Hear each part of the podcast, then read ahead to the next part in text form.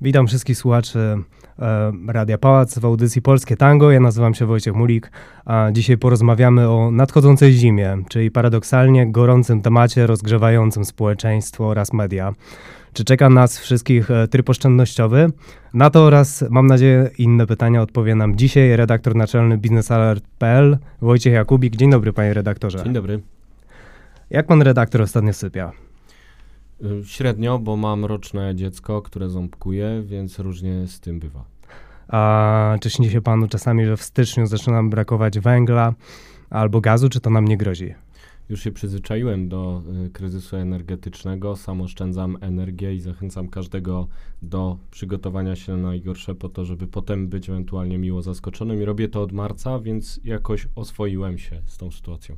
Czy my już wiemy dokładnie, co wydarzy się tej zimy? Nie wiemy, ponieważ nie wiemy, co zrobi Władimir Putin, który grozi wręcz taktycznymi atakami bronią jądrową, więc jest zdolny do wielu rzeczy, których jeszcze sobie nie wyobrażamy. Natomiast najlepsze, co możemy zrobić, to mądrze zarządzać zasobami. Tutaj wracamy do dyskusji o energii i paliwach w Polsce. A czy rząd, e, czy rząd prowadzi odpowiednią politykę informacyjną na temat e, ewentualnego oszczędzania energii?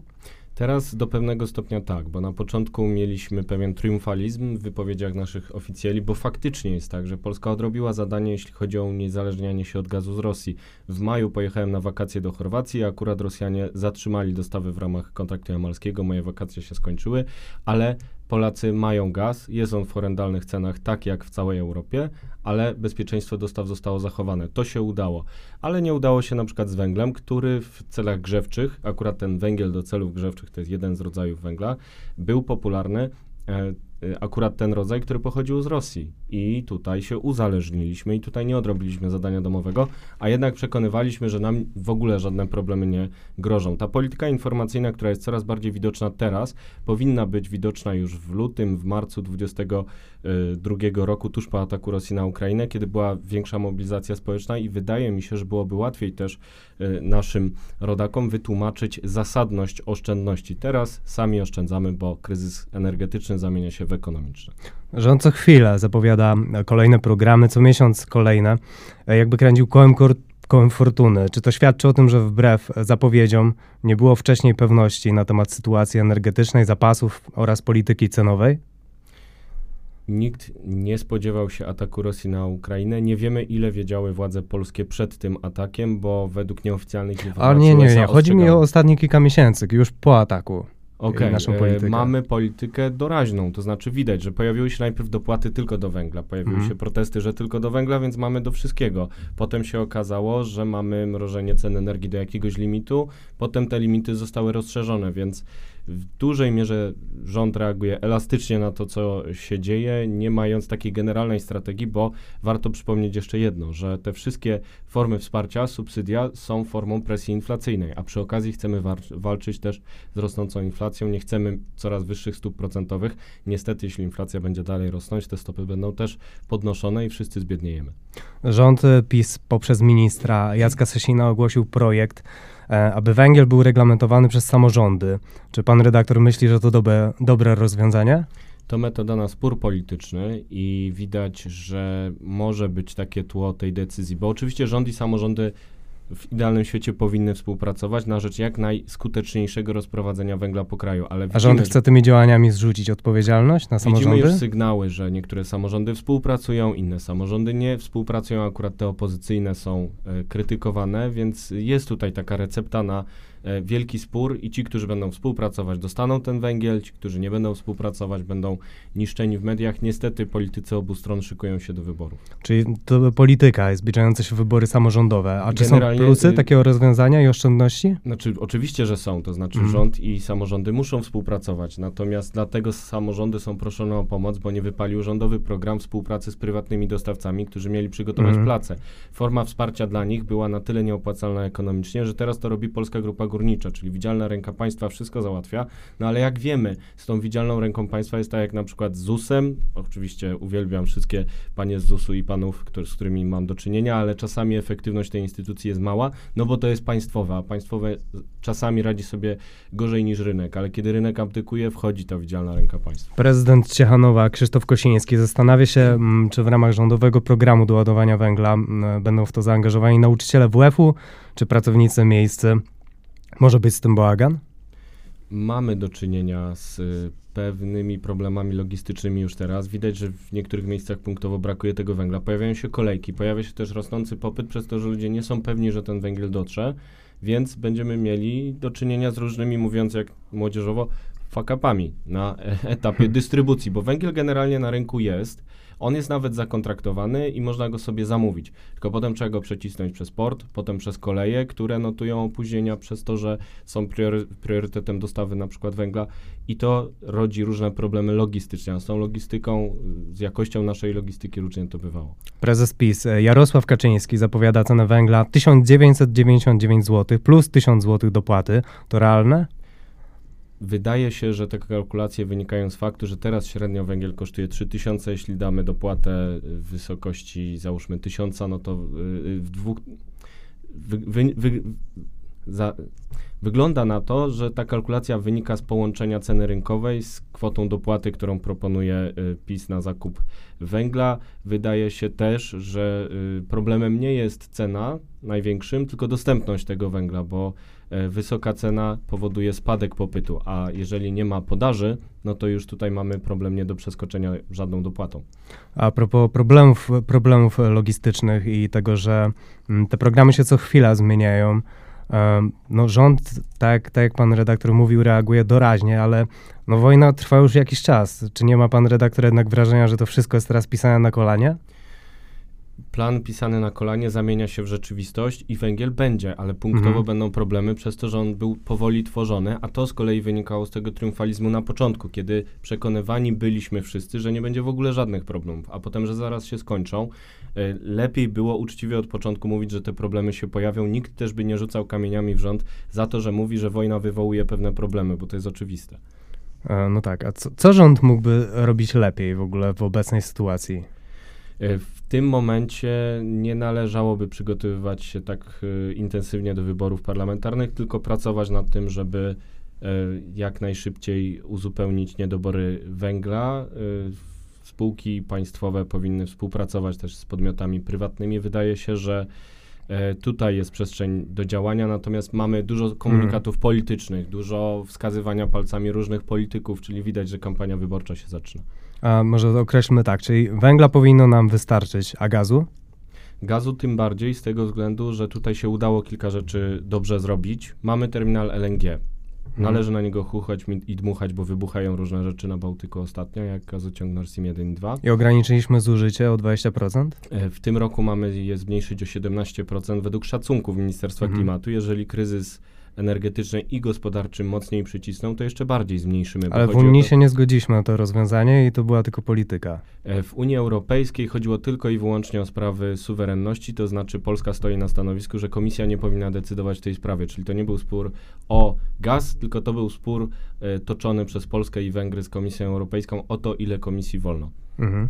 A czy e, była już o tym też mowa, czy my musieliśmy w ogóle w tak znaczącym stopniu uzależniać gospodarkę od rosyjskiego węgla wcześniej? Teraz okazuje się, że są inne źródła, skąd możemy go pozyskać węgiel y, rosyjski był ważny w sektorze opałowym, czyli konsumenci w Polsce widzieli, że jest tani, łatwo dostępny, bo on drogą kolejową sobie docierał ze wschodu bez problemu, często miał wysoką jakość, to prawda.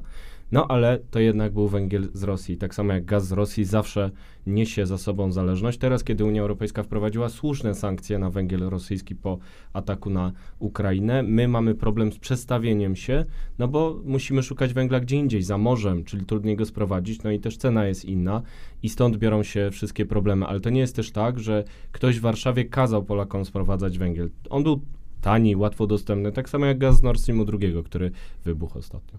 A co pan redaktor sądzi o pomyśle na przykład lewicy, czyli o bonie 2,5 tysiąca złotych na energooszczędny sprzęt AGD? E, to byłby krok w dobrym kierunku? Krok w dobrym kierunku to jest wspieranie efektywności energetycznej. Bon może jest y, częściowo dobrym rozwiązaniem, no bo znowu dajemy pieniądze, a to znowu presja inflacyjna, znowu problemy gospodarcze z tego wynikające, ale z drugiej strony wspieranie używania bardziej efektywnych urządzeń, lepszego sprzętu, który zużywa mniej energii jest jak najbardziej wskazane. Ciekawym rozwiązaniem, które nie tworzy do, dodatkowych wydatków budżetowych byłoby na przykład zaoferowanie jakiejś ciekawszej taryfy dla tych, którzy oszczędzają energię pewnym krokiem w dobrą stronę jest ten limit y, mrożenia cen energii, bo samo mrożenie cen energii nie jest globalne, tylko dotyczy zużycia do 2000 y, kWh rocznie. Powyżej tego zużycia mamy już według nowej taryfy dużo droższą energię. No więc to jest sygnał, że jak ktoś oszczędzi energię, to będzie miał całą zamrożoną, więc każde rozwiązanie, które zmniejszy zapotrzebowanie, zmniejszy zużycie energii jest dobre. Minister Waldemar Buda twierdzi, że mamy do czynienia z elementem spekulacyjnym, który dwa, trzy, czterokrotnie przekracza ceny produkcji e, i nawet rozsądną marżę. Jest on też przeciwny temu, żeby stosować kolejne jakieś rekompensaty, które by dopłacały do drugiego, drogiego prądu. E, minister Buda mówi, że musimy doprowadzić do tego, żeby prąd był tańszy, bo nie ma uzasadnienia aż tak wysokich cen. To prawda? To jest y, wielki temat, y, wymagający głębokiej analizy. Polski Komitet Energii Elektrycznej próbuje go tłumaczyć lepiej lub gorzej. Chodzi o to, że cena energii w Europie jest zależna od mechanizmów giełdowych, które powodują, że ten prąd na giełdzie jest oferowany dużo powyżej kosztów jego produkcji, na przykład w elektrowni węglowej, szczególnie jeśli ma obok tuż źródło węgla, jak na przykład kopalnia Turów, znana z mediów w ostatnim czasie.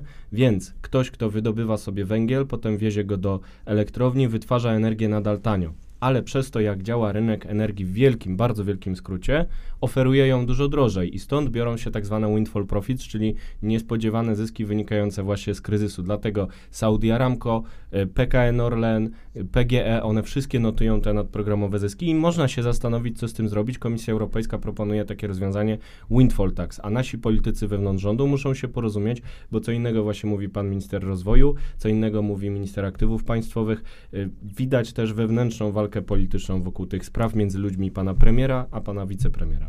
A jak moglibyśmy najprościej wytłumaczyć, na czym polega obligo giełdowe? Obowiązek sprzedaży całej energii na giełdzie. No więc właśnie, na giełdzie energia jest rekordowo droga, przez to, że jest wyznaczana przez te mechanizmy, o których mówię, o których można poczytać na kilku stronach. Bardzo skomplikowany materiał. Chodzi z grubsza o to, że tę cenę w dużej części obrotu wyznacza najdroższe źródło. Najdroższe to są elektrownie gazowe, przez to, że jest rekordowo drogi gaz, przez rosyjski Gazprom, który ogranicza podaż. I to jest punkt odniesienia do kontraktów e, giełdowych, dlatego cena rekordowa na giełdzie przy 100% obligo daje te rekordowe ceny ceny w dostawach. Teoretycznie ściągnięcie obliga do zera pozwala pod stołem, to znaczy ja jestem dostawcą energii, pan jest klientem, umawiamy mhm. się razem na cenę bez giełdy, bez jakiegoś arbitra, no i mamy teoretycznie niższą cenę, faktycznie, tak jak mówi rząd, nawet o jedną trzecią. Ale jeżeli idziemy w to mocniej, to tłuczemy termometr i nie wiemy, ile powinna ta energia kosztować i jest ryzyko nadużyć. A nasz rynek jest mocno skoncentrowany, dominują cztery firmy pod kontrolą Skarbu Państwa i Urząd Regulacji Energetyki, też instytucja państwowa, ostrzega, że zniesienie całkowite obligo zagrozi rynkowi. Um, czyli grozi nam mniej przejrzyste ustalanie cen. Dokładnie tak. One mogą być niższe, ale potem jakiś pan prezes z jakimś innym panem y, Kowalskim się umówią na jakąś cenę i nie będziemy wiedzieć, czy to jest uczciwa cena, czy my jesteśmy e, celem jakiejś też spekulacji, ale z drugiej strony rynku. E, poseł Marek Suski zapewnia, że zniesienie obliga giełdowego spowoduje spadek cen energii nawet o 2 trzecie. Czy to realne? Tak, to do tego się odnosiłem. Jeśli, mhm. on, nie, jeśli on mówi o dwóch trzecich, to nie wiem. Mhm. Jedna trzecia jak najbardziej jest możliwa, tylko właśnie jakim kosztem? Czy nie zniszczymy rynku, do którego będziemy chcieli wrócić po y, etapie kryzysu? A czy spółki w ogóle zapowiedziały, że poza giełdą będą sprzedawały energię po niższej cenie? Czy tutaj też może mogą rządzić prawa rynku? Y, prawa rynku, tylko inaczej regulowane, mhm. bez arbitra w postaci giełdy, która dba właśnie o przejrzystość, o pewne standardy. Różne rzeczy mogą się zdarzyć. Słychać y, z kancelarii premiera, że jest taki pomysł, żeby te firmy sprzedawały tuż powyżej kosztów produkcji, czyli w przypadku teraz węgla, rzeczywiście to będzie dużo niższa cena. Y, moim zdaniem dobrą receptą byłoby pójście za rozwiązaniami unijnymi, które są, mówiąc kolokwialnie, prawilne, które będą, nie będą budziły wątpliwości i oczywiście można reformować ten rynek w dobie kryzysu, bo wiele sobie można wyobrazić, ale w sposób nie budzący zastrzeżeń.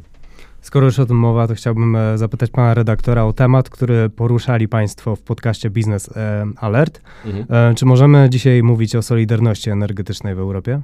Do pewnego stopnia tak ponieważ Europa to jest 27 państw, które kłócą się o każdą kropkę i przecinek. To nie jest Kreml, gdzie kilkunastu panów się mm. spotyka i w 15 minut ustala, że atakują na przykład Ukrainę, prawda? U nas proces decyzyjny jest dużo bardziej wymagający i musi godzić różne interesy, a wewnątrz Unii Europejskiej są różne państwa. Są państwa jastrzębie, takie jak na przykład Polska czy Litwa, ale są też gołębie prorosyjskie, jak na przykład Węgry Viktora Orbana. No i te państwa mhm. muszą znaleźć jakieś wspólne rozwiązanie. To dlatego mamy sankcje wobec Rosji, mamy na przykład embargo naftowe, ale tylko dotyczące dostaw morskich, no bo e, kraje takie jak Węgry czy Czechy nie mogą sobie pozwolić na takie embargo w całości jeszcze w tym momencie, więc to struganie naszej wspólnej polityki energetycznej, ta solidarność ma lepsze i gorsze momenty, ale idziemy naprzód. Jeszcze rok temu trudno byłoby sobie wyobrazić, że Niemcy zablokują sami Nord Stream 2, że Węgry jednak zgodzą się na sankcje energetyczne wobec Rosji, że mogą się zgodzić na cenę maksymalną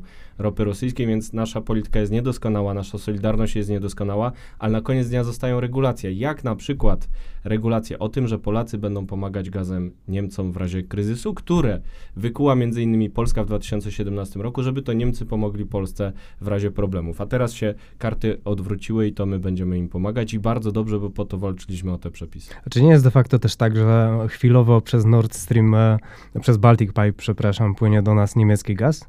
Nie. E, przez Baltic Pipe płynie całkowicie norweski gaz z koncesji PGNiG-u. W tym momencie 3 miliardy metrów sześciennych rocznie w 2022 roku, czyli 1 czwarta z tego, bo przez kwartał będzie pochodzić z wydobycia własnego PGNiG. Ten gaz był kierowany na rynek niemiecki, teraz trafił do rury. A, rozumiem.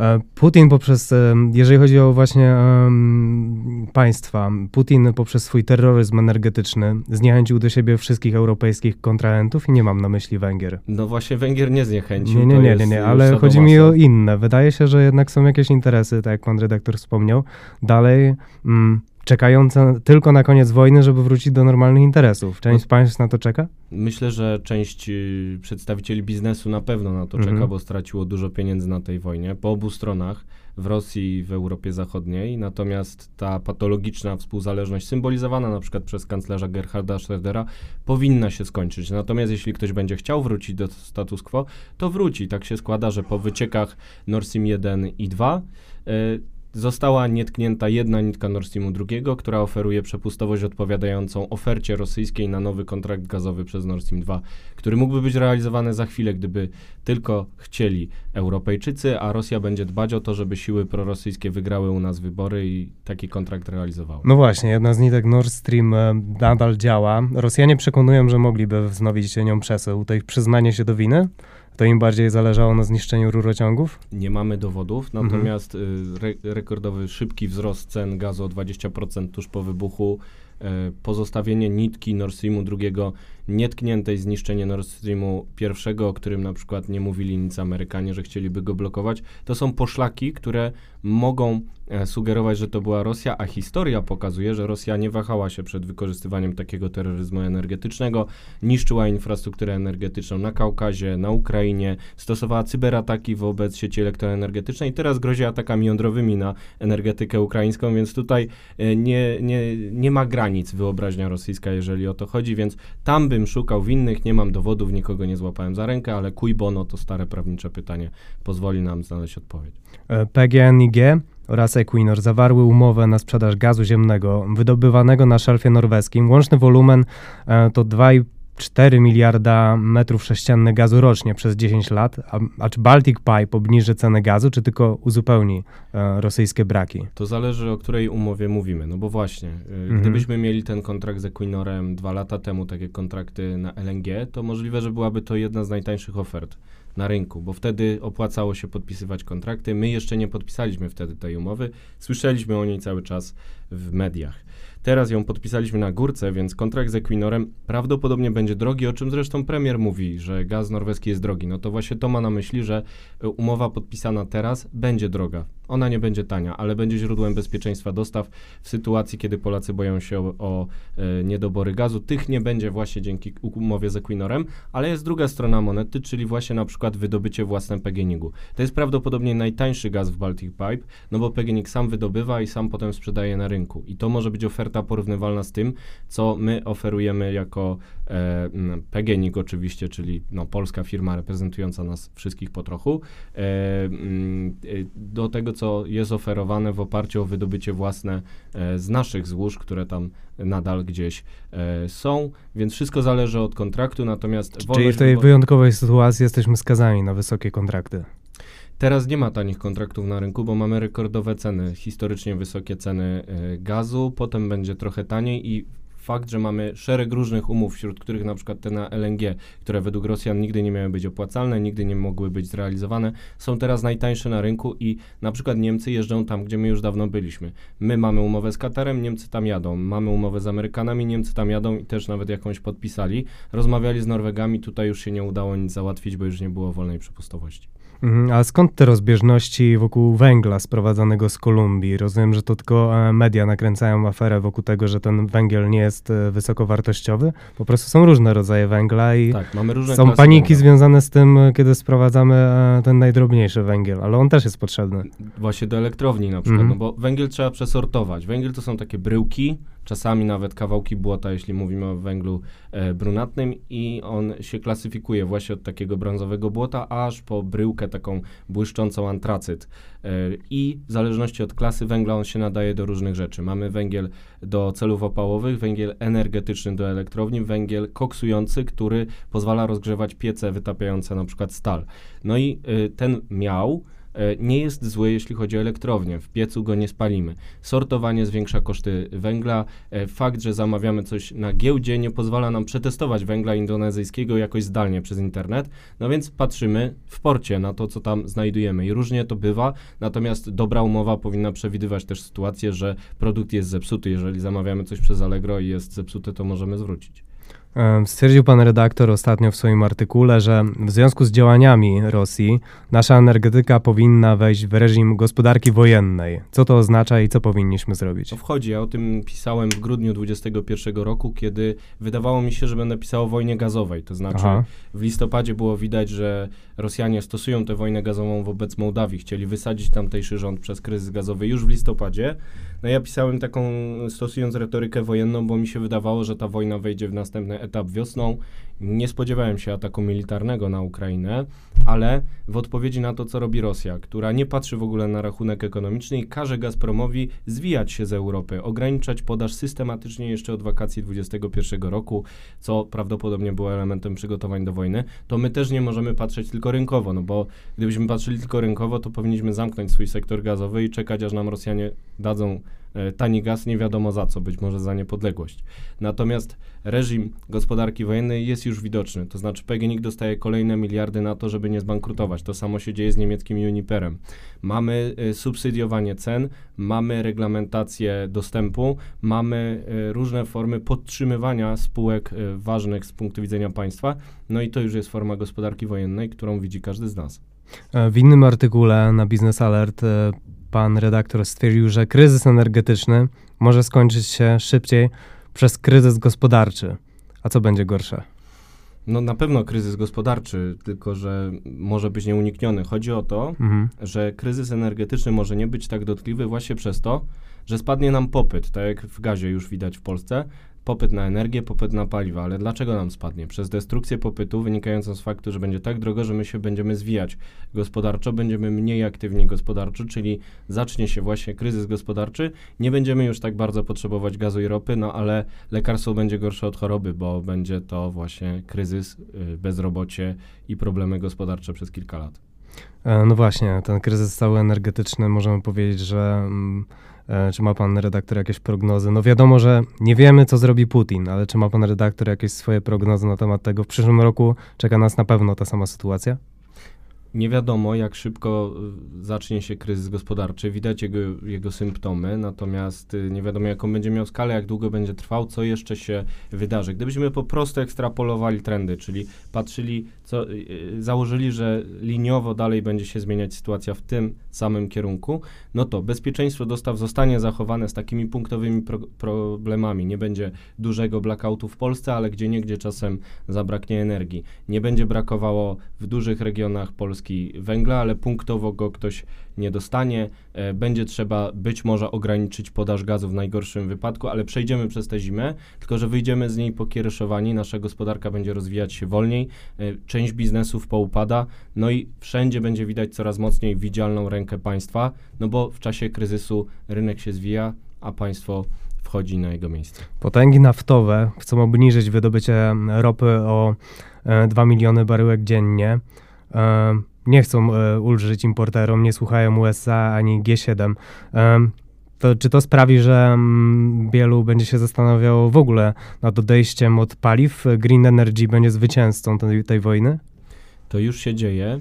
Gdyby y, nie fakt, że nie jesteśmy jeszcze gotowi, że technologie wodorowe, elektromobilne nie są rozwinięte na taką skalę, żebyśmy mogli porzucić ropę naftową w transporcie chociażby, no to już byśmy mogli pożegnać się z potęgami naftowymi jak Arabia Saudyjska czy Rosja. Pozostajemy dalej zależni, ale ten kryzys, tak samo jak kryzys lat 70. XX wieku, będzie indukował innowacyjność. Warto pamiętać, że rewolucja łupkowa w USA nie zaczęła się w 2011 roku, kiedy głośny raport amerykański opowiadał o tym, ile to gazu łupkowego jest na świecie, ale właśnie w latach 80 w odpowiedzi na to, że nafciarze zaczęli szukać ropy w Stanach w niekonwencjonalnych złożach, a zaczęli się nad tym zastanawiać właśnie po kryzysie naftowym w latach 70., kiedy z OPEC e, trwała, e, trwał spór o wojnę Izraela z państwami arabskimi. E, państwo na pewno znają tę historię ten kryzys będzie indukował podobną e, innowacyjność, przyspiesza już przecież transformację energetyczną, bo kogo tylko stać w Polsce, kogo znam, inwestuje, czy to w odnawialne źródła energii, czy to w pompy ciepła, bo potem widzi dużo tańszy rachunek. I to jest y, obiektywnie atrakcyjne rozwiązanie dla każdego, dlatego te rozwiązania alternatywne, które spowodują, że potęgi status quo będą schodzić z planszy, będą coraz y, silniejsze i za jakiś czas to one obudzą się z ręką w nocniku, a teraz mają swoje ostatnie 5 minut. Mhm, państwo na swoim portalu piszą, że mm, pójście w stronę gazu to jest jednak na dłuższą metę ślepa uliczka, a naszą przyszłością jest atom. Pisałem o tym w 21 roku. Polsko nie mhm. prowadzi na gazie. E, taki tekst, y, w którym właśnie przekonywaliśmy razem z redakcją, że nie można zastępować węgla gazem, bo gaz w dużej mierze w 40% w 2021 roku pochodzi z Rosji. Dlatego zwiększanie zużycia gazu w Polsce grozi tym, że znowu podpiszemy jakiś kontrakt z Gazpromem, gdyby jakiś Leszek Miller się tam zaplątał u władzy, czy jakiś inny polityk, który chciałby takiego kontraktu. Więc yy, rekomendowaliśmy, żeby lepiej dłużej zostać przy węglu i wskoczyć od razu w duet energetyki jądrowej z OZE, bo same odnawialne źródła energii nadal nie dają rady, nie mamy wielkoskalowych magazynów energii, a OZE dają energię lub nie, w zależności od pogody, więc trzeba je, je czymś zabezpieczyć. Niemcy zabezpieczały gazem i widać jak na tym skończyły. Dlatego Polska musi wyciągnąć z tego lekcję. W latach dwudziestych musi jeszcze zostać przy węglu, bo nie ma alternatywy, trudno, a potem od razu przeskoczyć szczebel wyżej. Dzięki energetyce jądrowej wielkoskalowej wybór technologii ma nastąpić według deklaracji Ministerstwa Klimatu na dniach po 30 latach niekończącej się dyskusji na ten temat. Ale Niemcy chcieli zamykać atom, to w no jaką stronę chcą. pójdą, w jaką no stronę dalej oni zamierzają Na razie pójść? na sezon grzewczy mhm. jeszcze zostawią dwie z trzech, które im zostały, a potem całkiem wyłączą. To jest czysta polityka, y, pedagogika y, nienawiści do atomu w Niemczech sięga czasów ruchów antynuklearnych z lat 70., kiedy e, siły Ale czy ta pedagogika ma coś wspólnego z Rosją? No właśnie, ruchy antyatomowe sprzeciwiające się parasolowi nuklearnemu NATO w latach 70. były prorosyjskie i one zrodziły ruch Energii Wende, który nie sprzeciwiał się węglowi, tylko właśnie atomowi jako złu No tak, ciekawy, ciekawy zbieg okoliczności. No taki zbieg okoliczności, jak właśnie wybuch Nord Stream 2 z jedną nitką działającą. No i yy, te ruchy potem promowały wyłączenie atomu za wszelką cenę. Tam nie ma dyskusji, bo y, dla ludzi, którzy są przeciwko atomowi w Niemczech, to jest zło moralne. argumenty o tym, że Fukushima się nie może w Niemczech powtórzyć, bo raczej tam nie ma za często fal tsunami. Czarnobyl też się nie może powtórzyć, bo nie ma sowieckiej technologii e, atomowej już nigdzie w Europie. No te argumenty nie przemawiają, są emocje, wręcz kinematografia niemiecka, popkultura jest pełna tych akcentów antyatomowych. Trudno to przełamać, dlatego nawet jeżeli ktoś skrycie w Niemczech chciałby powrotu atom, do atomu, to mówi o tym otwarcie tylko partia liberalna, która ma słabe poparcie. A czy ma pan redaktor jakieś e, chociażby drobne podejrzenia, że w przestrzeni medialnej e, na temat tego nadchodzącego kryzysu energetycznego pojawiają się jakieś onucowe poszlaki w polskich mediach, nawet są, poważnych? Są onucowe przekazy, które nas przekonują, że... Powinniśmy zbierać drewno w lesie. To, to te, znaczy warto, warto to generalnie robić, jak ktoś ma możliwość, bo nie wiemy, co się wydarzy, prawda? Mhm, Grozi nam nawet tak. wojna nuklearna, więc różnie może być, ale nie chcę straszyć. Yy, natomiast są ruchy, które przekonują, że wystarczy dogadać się z Putinem, przestać wspierać Ukrainę, a wszystko będzie super tanie. Yy, każdy dobrze sobie zlokalizuje te ruchy i yy, wydaje się, że Rosja będzie używać właśnie tej zimy kryzysu energetycznego po to, abyśmy sami sobie wybrali siły prorosyjskie na nasze rządy i żeby one zmieniły tę politykę i wtedy Nord Stream 2, przynajmniej jedna nitka będzie gotowa do użycia. Czyli podsumowując, tej zimy powinniśmy dać radę, tylko będzie to dla nas duży koszt. Tak, jestem z 88 roku i y, historia Polski to dla mnie wieczny rozwój. Przy różnych zawirowaniach, wejście do NATO, wejście do Unii Europejskiej, ciągle lepiej, z różnymi zawirowaniami. Natomiast teraz idą czasy zaciskania pasa, czasy niedoboru, czasy wojny za miedzą, które nie wiadomo co przyniosą, no i musimy się na to przygotować mentalnie, a w najlepszym razie po prostu pozytywnie będziemy zaskoczeni, kiedy wiosną wszystko będzie dobrze. Natomiast na razie dobrze nie jest i przez jakiś czas chyba nie będzie. Bardzo dziękuję.